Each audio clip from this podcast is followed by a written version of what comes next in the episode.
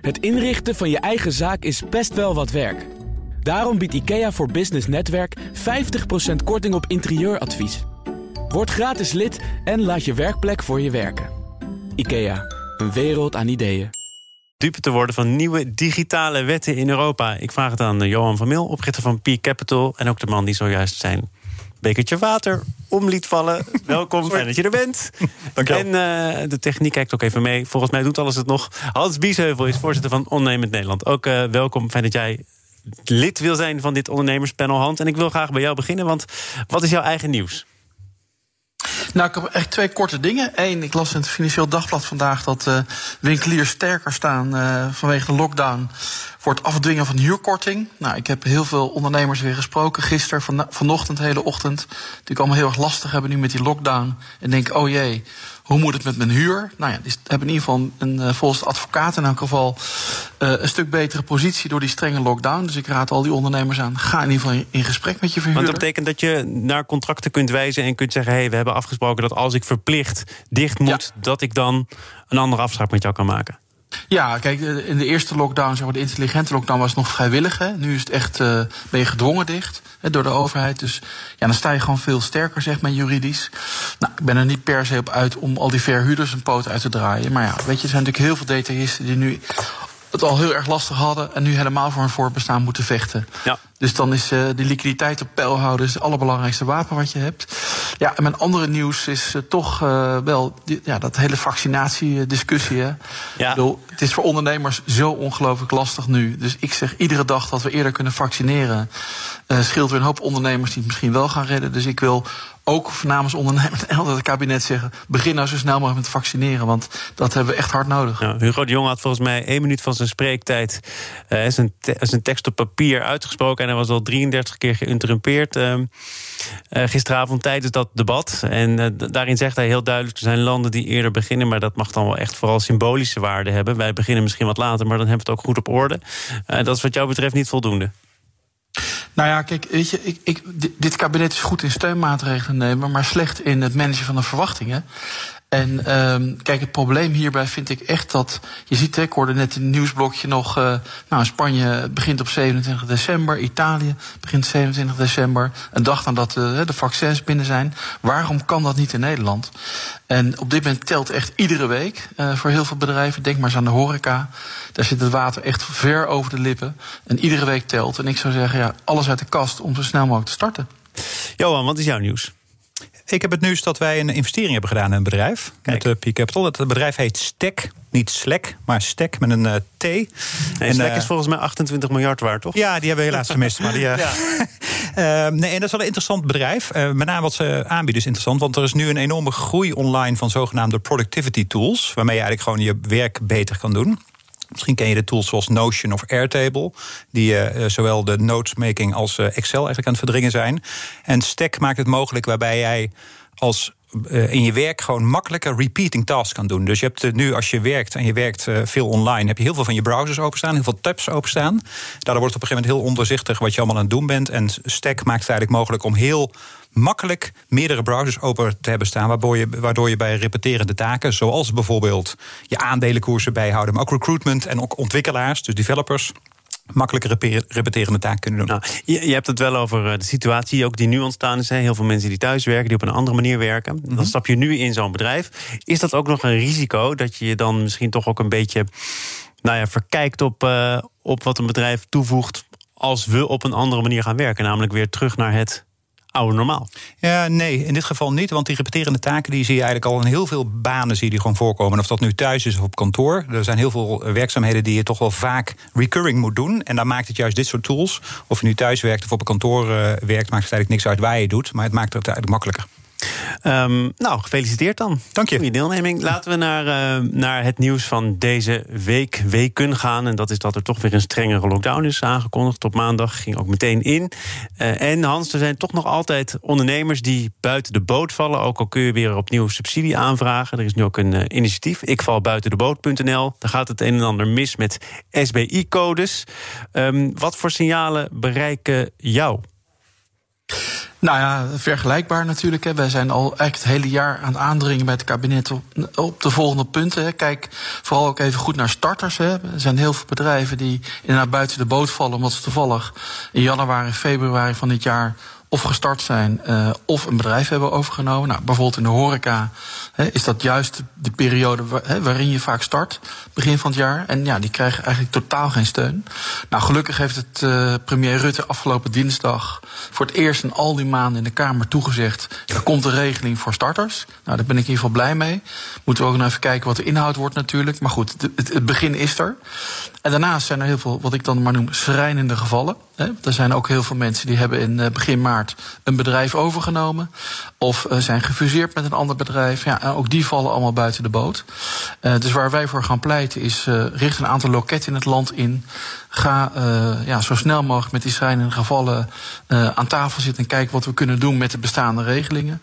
Want er werken vaak, ik heb een aantal voorbeelden liggen van bedrijven waar 200, 300 mensen werken. Die staan echt op omvallen. En ja, uh, wat het kabinet nu steeds zegt: van ja, we willen banen vasthouden, we willen geen bedrijven failliet laten gaan. Nou, dan zeg ik, hou dan nu even op met die uh, houding van, uh, van zeg maar de afgelopen jaar richting die schrijnende gevallen. Ga nu echt aan tafel zitten, los het op. Maar is het, is het een houding? Want een paar minuten geleden zei hij nog: het kabinet is goed in steunen. Is het, is het een houding waarvan je zegt, daar blijkt ook onwil uit? Of een blinde vlek? Nou, het is meer een blinde vlek. Kijk, men heeft natuurlijk uh, adequaat gehandeld. Hè. Dat, dat, dat blijf ik ook uh, netjes verdedigen. Met die NOW-regeling, de TVL-regeling, uitstel van belastingen. Dat is allemaal hartstikke goed gelopen. Er is ook snel gereageerd. Maar ik vind als zo'n situatie zoals waar we nu in zitten zo lang duurt. Hè, we zitten al eigenlijk, nou wat is het, negen maanden in deze situatie. En nou, dat gaat nog zeker wel een paar maanden duren. Dan vind ik dat je niet kan blijven zeggen, ja, uh, die bedrijven die aan het begin van het jaar gestart zijn, of die schrijnende gevallen, die laten we aan hun lot over. Daar duurt het nu gewoon veel te lang voor. Het is nu echt tijd voor maatwerk en aandacht voor dat soort gevallen. Nou, nogmaals, premier Rutte heeft het nu toegezegd. Het komt er, ben ik blij mee. Maar ik zeg, doe dat dan ook snel. Want er zijn heel veel bedrijven die kunnen niet al te lang meer, uh, meer redden. Hans, hoe zou je dat, dat maatwerk, hè? Ik, eh, ik, hoor het ook en ik lees het ook. Hoe zou je zo'n maatwerk kunnen organiseren? Want er is natuurlijk heel veel discussie geweest afgelopen week ook over de Belastingdienst. Nou, dat was wat maatwerk ja. naar een bepaalde specifieke doelgroep die veel te intensief was. Hoe zou je dit in jouw ogen kunnen organiseren?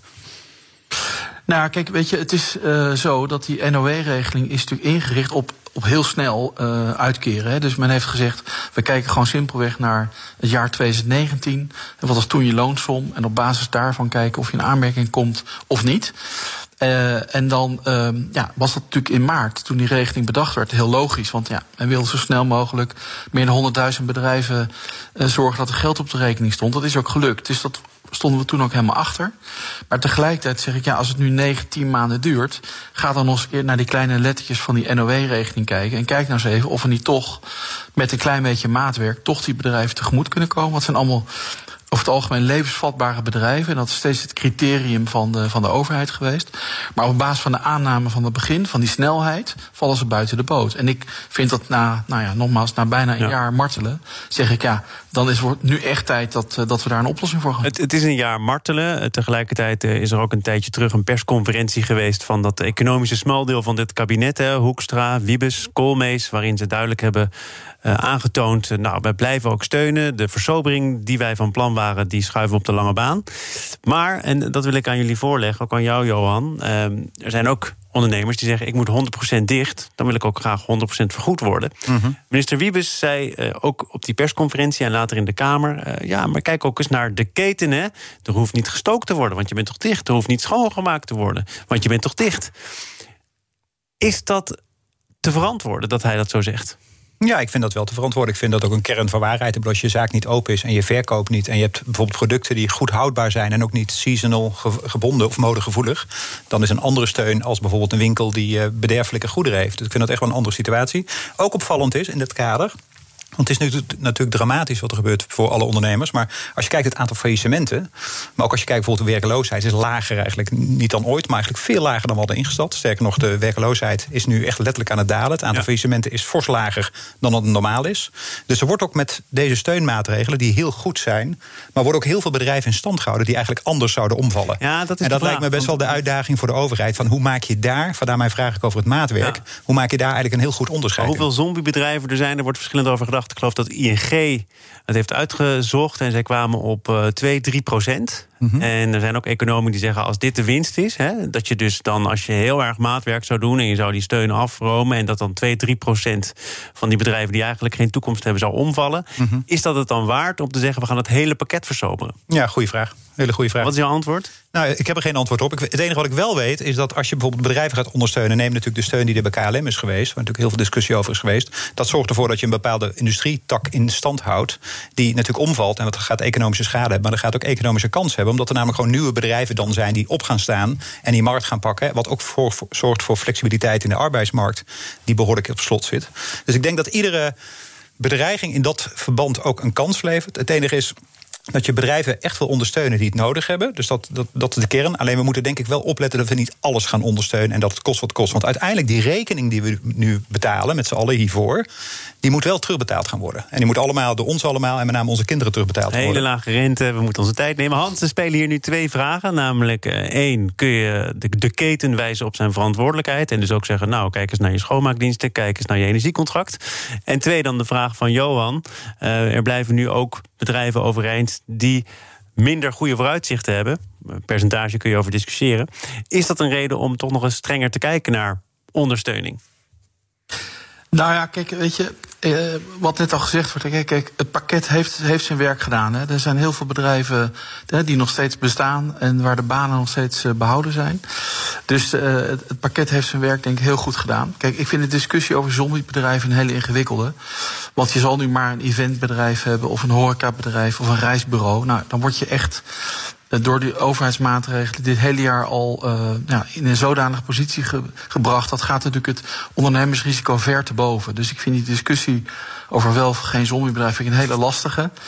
Uh, ik denk dat he, levensvatbaarheid, dat is voor mij heel belangrijk. Dus ook bij dat maatwerk richting die starters en die uh, schrijnende gevallen vind ik levensvatbaarheid, dat vind ik wel belangrijk. Hè. Ik ben, dat ben ik met Johan eens. Je moet kijken naar levensvatbaarheid. Nou, is die goed? Dan zou ik zeggen, zorg voor snelle steun. Uh, is er geen levensvatbaarheid? Ja, dan kan je beter afscheid nemen. Maar ik vind wel dat die eerlijke afweging gemaakt moet worden. En die wordt nu niet gemaakt. Hè. Die bedrijven, die starters krijgen nu geen kans op nee. die afweging. Ja, eens. Hebben nul kans op, uh, op steun. En dat vind ik gewoon na zo'n lange periode niet langer te verantwoorden. We gaan uh, hier nog even over doorpraten. En uh, dat zeg ik tegen de leden van het ondernemerspanel. Zaken doen. En dat zijn Hans Biesheuvel van ONL en Johan van Meel van Peak Capital. En we hebben een week achter de rug waarin uh, op maandag nog andere dingen konden dan op dinsdag. En op dinsdag weer andere dingen konden dan op woensdag. Dan gaat het over welke winkels essentieel zijn en welke niet. En of die gedeeltelijk open mochten of er helemaal moesten sluiten. Uh, Hans, ik ken jou als iemand die bovenop de besluitvorming zit. Die wel ongeveer weet wat er aan zit te komen. Tegelijkertijd sprak ik uh, eerder deze week met Jan Meerman van In Retail. Die heb ik drie keer gesproken met drie keer een totaal andere boodschap. Ehm, wist jij wel wat er allemaal op die ondernemers af zou komen? Nou, vraag, het, vraag is wanneer ik dat dan wist, hè? Dat bedoel je eigenlijk? Ja, graag dat jij het eigenlijk al vorige week wist. nou, nee, ik wist het vorige week niet hoor. Kijk, voor, uh, vorige week woensdag, hè, dat is nog maar nou ja, uh, negen dagen geleden. Toen werd het, uh, het nieuwe steunpakket bekendgemaakt hè, door de drie W's, zoals je ze net noemde. Ja, ja. Uh, woensdagavond heb ik aandachtig het debat in de Kamer daarover gevolgd. Uh, en donderdag hebben we onze website netjes aangepast met alle maatregelen. En toen was er in Den Haag in elk geval, wat ik waarnam, nog geen enkele sprake van het zicht op die, op die strenge lockdown. En dat is echt in het weekend in een soort tempoversnelling gekomen. Mijn waarneming was dat op zaterdag het kabinet heel onrustig werd. En op zondag het, uh, het katshuisberaad uh, nou, behoorlijk stormachtig verlopen is. Uh, ik zat er niet bij, maar goed, ik heb goede bronnen. Hm. En, um, en het heeft iedereen overvallen, de snelheid waarmee het kabinet besluiten genomen heeft. Tegelijkertijd zeg ik ook, en dat heb ik bij jullie ook deze week al een keertje op de zender gezegd, ben ik ook wel blij dat het kabinet nu tempo maakt. Want kijk, dat aanrommelen en aanmartelen van de afgelopen weken, dat was ook niks. nu zeg ik liever die hele stevige harde hamer op dat virus. Weg ermee. dus ja, maar dat lijkt, dan, dat lijkt dan een stevige hamer te zijn. En tegelijkertijd zijn er nog ondernemers, grote ketens, die denken aan die hamer te kunnen ontsnappen. Ja. En dat dus ook konden, omdat er nog een maas zat in die wet ja. of in die regel, in die strenge lockdown. En uh, nou ja, jij kent natuurlijk ook uh, de temperatuur bij al die ondernemers, water aan de lippen. Uh, die gaan dan die kant op. Uh, is dat, is dat te verantwoorden of is dat iets wat je te alle tijden moet afkeuren? Nou, kijk, even nog op je opmerking over die, over die regels. Kijk, omdat het dus zo heel snel ging, hè, uh, nou, was het niet 100% zorgvuldig, zeg maar. Dus ik denk dat daar door de snelheid, zeg maar, men niet helemaal zich realiseerde uh, wat er precies de consequenties waren. Kijk, ik neem ondernemers die een bedrijf hebben, of het nou de blokker is of de Xen, of het maakt niet uit. Natuurlijk niet kwalijk dat ze proberen het beste van te maken en wat geld te verdienen. Alleen ik vind in deze situatie dat we echt met z'n allen solidair moeten zijn. We moeten het virus eronder krijgen. Uh, en wat mij betreft past het niet in de geest van de maatregelen om nu dan toch hè, nee. die winkel dan open te houden als het niet essentieel is. Ik zou zeggen, met z'n allen nu heel solidair zijn, dat virus eronder krijgen. En vooral heel erg nadenken van hoe gaan we nou een slimme exit-strategie met elkaar uh, ontwikkelen. Dat geldt voor de overheid, dat geldt voor ons als ondernemers. Dat we hier uitkomen en hier nooit meer terug, uh, uh, nooit meer in terechtkomen. Ja. Want het is natuurlijk een vreselijke situatie. Er zijn, er zijn wel vooruitzichten nodig voor ondernemers. Ook ondernemers die het niet meer zien zitten. Wij hadden zelf als BNR een groot verhaal over ondernemers die in toenemende mate bellen met 113. Dat is de lijn voor zelfmoordpreventie. Ik sprak er ook over met een trainer van 113. En zij zei het volgende, en dat vond ik wel opvallend. Ik wil het graag ook aan jullie voorleggen. Als mensen dan om je heen zeggen van... oh, kijk, er zijn nog heel veel dingen mogelijk... er zijn nog meer oplossingen, kijk hoe die andere het doet... dan krijg je juist het gevoel, als je het niet redt... dat het aan jou ligt. Ja, dus zeggen, heb je daar al aan gedacht... ik zie daar toch nog iemand die de mogelijkheden pakt. Dat werkt Johan averechts. Ja, dat verbaast mij heel erg. Ik denk dat uh, als ik met een ondernemer zou praten bij wie uh, die dat tegen mij zou zeggen, zou ik ook kijken van wat voor kansen zijn er nog steeds en hoe kun je je hieruit redden. En ik zou daar zelf, ik bedoel, ik ben zelf ook ondernemer, zou er ook behoefte aan hebben. Dus ik zou niet behoefte hebben aan iemand die alleen maar een luisterend oor biedt ja. en mij uh, niet dus uit de put trekt. Dat, het verhaal is dus juist dat als je dan ook nog gewezen wordt op ondernemers die ondanks al die tegenslag er iets van maken of mm -hmm. die echt serieuze kans hebben om beter uit die crisis te komen, dat ja, het gevoel ontstaat dat jij dan echt degene bent die faalt. Ja, terwijl ik denk juist die voorbeelden helpen juist om die kansen te zien. Dus ik, uh, ja, ik, ik herken dat niet, maar dit is een specialist. Zij zal dat ongetwijfeld veel beter weten dan dat ik dat weet. Je veel ondernemers, ook vanuit de bedrijven waar je bij betrokken bent, die het niet meer zien zitten? Nee, ik zit, wij zitten natuurlijk als, als P Capital in technologiebedrijven. En er zijn veel softwarebedrijven en marktplaatsen die het relatief goed doen. Dus nee, ik ken die gevallen niet. Ik ken wel privé veel ondernemers die dat hebben. En die inderdaad gewoon eigenlijk uh, ja, gewoon het niet meer zien zitten. En wat zeg jij dan? Ja, dan denk je na over Niet welke dit. Welke ja, nee, dan, dan denk je na over welke kansen er wel zijn. En dan denk je met die horeca-ondernemer mee van goh, wat kun je doen qua thuisbezorging? Wat kun je eigenlijk toch wel doen in deze kansen? Ja. Dus dat denk ik ook ondernemer heel erg eigen om dat te doen. Hans, wat, wat zou jij doen? En of herken jij je wel in wat deze trainer Iris Zuidweg zegt? Ja, ik eh, herken me er enorm in. Wij hebben zelf via de ONL Ondernemers-app niet zo lang geleden een groot onderzoek gedaan. En daar, daar heb ik ook veel over gepubliceerd en gezegd: ja, weet je, de, persoonlijke, de persoonlijke druk, heeft de druk op, op, de, op, op, op, sorry, op de ondernemer als persoon, zie ik enorm toenemen. En dat zit natuurlijk ook in die. Oh jee, de druk op de verbinding met Hans neemt ook toe. Op het Ja? moment. Ja, je bent er weer volgens mij. Ja. Nee, maar de, druk, de, de persoonlijke druk op ondernemers neemt enorm toe. Hè. Er zijn natuurlijk heel veel ondernemers die voelen dat falen. Die denken, ik heb gefaald. Uh, die hebben dan uh, bijvoorbeeld ook de zorg over een, over een familie. In het MKB heb je natuurlijk heel veel familiebedrijven. Men denkt, oh jee, het is ook heel erg vervelend voor mijn familie, voor mijn klanten, voor mijn medewerkers die vaak lang aan dienst zijn. Dus ja, die nemen dat mee naar huis. Die, die, die, die, die staan ermee op en gaan ermee naar bed. En dat onderzoek bleek dat in ieder geval heel sterk te spelen, vooral in die sectoren. Hè. Eventbedrijven, horeca, uh, reisbureaus. Daar zit het heel sterk. Uh, ik heb ook een paar van die ondernemers gesproken zelf. Ik heb een aantal opgebeld. En uh, ik was wel van onder de indruk. Uh, bijvoorbeeld een ondernemer die vertelde... ja, ik heb ooit die persoonlijke borg bij de bank getekend... Hè, als uh, nou ja, onderpand ja. voor mijn lening. Ja, en die, ik heb nu een brief binnen. Ja, we gaan binnenkort bij u langskomen... om die persoonlijke borg eens eventjes aan te spreken. Ja, dan lig je echt natuurlijk wel wakker van. Ja. Dan komt het heel dichtbij ook in je thuissituatie. En ik begrijp heel goed dat je natuurlijk het moeilijk kan hebben daarmee. We gaan er iets verder weg, namelijk naar uh, Europese regelgeving die in de maak is. Kan nog jaren duren hoor, maar om de macht van Amerikaanse techreuzen zoals Facebook, Google, Amazon en Apple te breken. Ervoor te zorgen dat zij niet ook het andere bedrijfsleven in een wurggreep houden. Ik sprak erover met Lucien Burm van de Dutch Startup Association. En ik dacht, nou, als die grote jongens het moeilijk krijgen, dan ligt er misschien wat meer open veld voor de start-ups. Um, ik sprak hem in het bijzonder over een maatregel die gaat gelden als je meer dan 45 miljoen gebruikers hebt. Dat leek mij nogal veel, maar Lucien Burm denkt er anders over. Dat getal is een beetje arbitrair. Um, moet dat zo blijven? Is dat een goed getal? Uh, moet het eigenlijk misschien lager zijn? Moet het hoger zijn? Uh, dus ons verzoek zou daarbij vooral zijn... Uh, is dat het gewoon jaarlijks bekeken wordt... waar de grens voor dat soort dingen moet liggen. Het andere wat we hebben bij een getal is dat... ja, weet je, het is een beetje one size fits all. niet, niet elke club is misschien een bedreiging meteen als we daar hard voorbij groeien. en misschien is het juist wel nodig dat ze daar ook voorbij komen. Ik vraag het even aan de start-up specialist in dit gezelschap, Johan. Wat zou die Europese regelgeving voor start-ups kunnen betekenen? En deel jij de zorgen van Lucien Burm? Ja, als je kijkt naar de achtergrond van die maatregelen, dan is het eigenlijk om de Amerikaanse de grote spelers, zoals het genoemd worden, de poortwachters te beteugelen. Die worden eigenlijk gewoon te dominant. En ik denk dat we als consument zelf ook wel merken dat of je nu Apple of Amazon of Google gebruikt, je wordt altijd wel op een of andere manier beperkt. Dus ik denk die motivatie is heel goed. Wat je wil voorkomen daarentegen, want de reden dat die Amerikaanse bedrijven zo groot zijn, is dat we eigenlijk geen grote Europese spelers hebben. Dus je wil voorkomen dat je de innovatie in de kiem smoort. En innovatie zit natuurlijk in een vroege fase, maar zit ook in een latere fase. Dat als je het bedrijf uitgroeit, dat je wel een bepaalde dominantie en een bepaalde grootte kan gaan krijgen.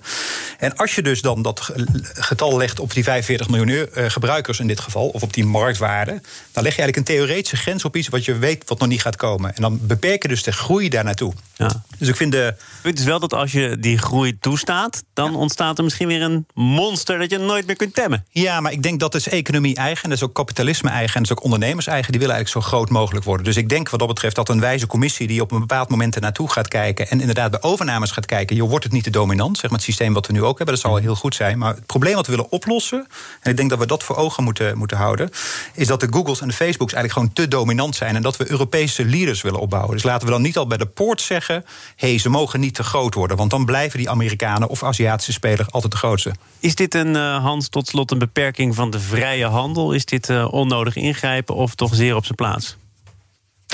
Nou ja, kijk, ik ben voor vrije handel, wel voor eerlijke handel. Hè. En nu ja, zie je toch echt een paar situaties die eh, nou, de, de oneerlijke handel zeg maar, in de hand werken. Uh, dus ik ben er heel erg voor om, uh, om een aantal grenzen scherp aan te leggen. Maar waar ik het wel met Johan eens ben, kijk, we moeten vooral natuurlijk zelf veel meer inzetten op het creëren van uh, nou ja, technologiebedrijven die innovatiever en sterker zijn op Europees niveau. Daar hebben, denk ik, de op ingezet. Dus ik zou zeggen, laten we dat in elk geval doen. En laten we tegelijkertijd wat aanpakken eh, van die oneerlijke concurrentie. Ik heb als het voorbeeld verteld hè, van de zaklantaarn die ik bij AliExpress uh, niet zo lang geleden heb besteld. Nou ja, dan betaal ik dan 10 euro voor. En die komt dan zonder invoerrechten en zonder BTW bij mij in de bus thuis. je bent onderdeel van het probleem.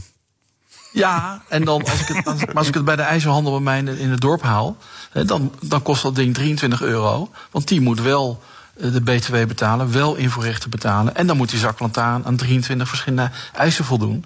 Dus uh, ja, dat, is, dat noem ik geen eerlijke concurrentie meer. Dus ik denk dat we daar ook echt wat aan moeten gaan doen. Hans Biesheuvel, dankjewel voor nu. Uh, de voorzitter van ONL en Johan van Mil, oprichter van Peak Capital. Fijn dat je er was. Dit was het uh, voor vandaag. Uh, maandag dan is Dave Storm te gast. Hij is directeur van Slagharen. Door de tweede lockdown kwam er een abrupt einde aan dit seizoen. Dus voor 2020. Een streep erdoor. Welke gevolgen dat heeft en hoe die 2021 nu voorspelt... dat hoor je dus in BNR Zaken doen. Na dit weekend. Eerst is het tijd voor Newsroom, onze dagelijkse podcast van het FD en BNR. Met vandaag natuurlijk speciale aandacht voor Den Haag, want het is vrijdag. Mark Beekhuis dus. Geniet ervan. Goed. Het inrichten van je eigen zaak is best wel wat werk. Daarom biedt IKEA voor Business Netwerk 50% korting op interieuradvies. Word gratis lid en laat je werkplek voor je werken. IKEA, een wereld aan ideeën.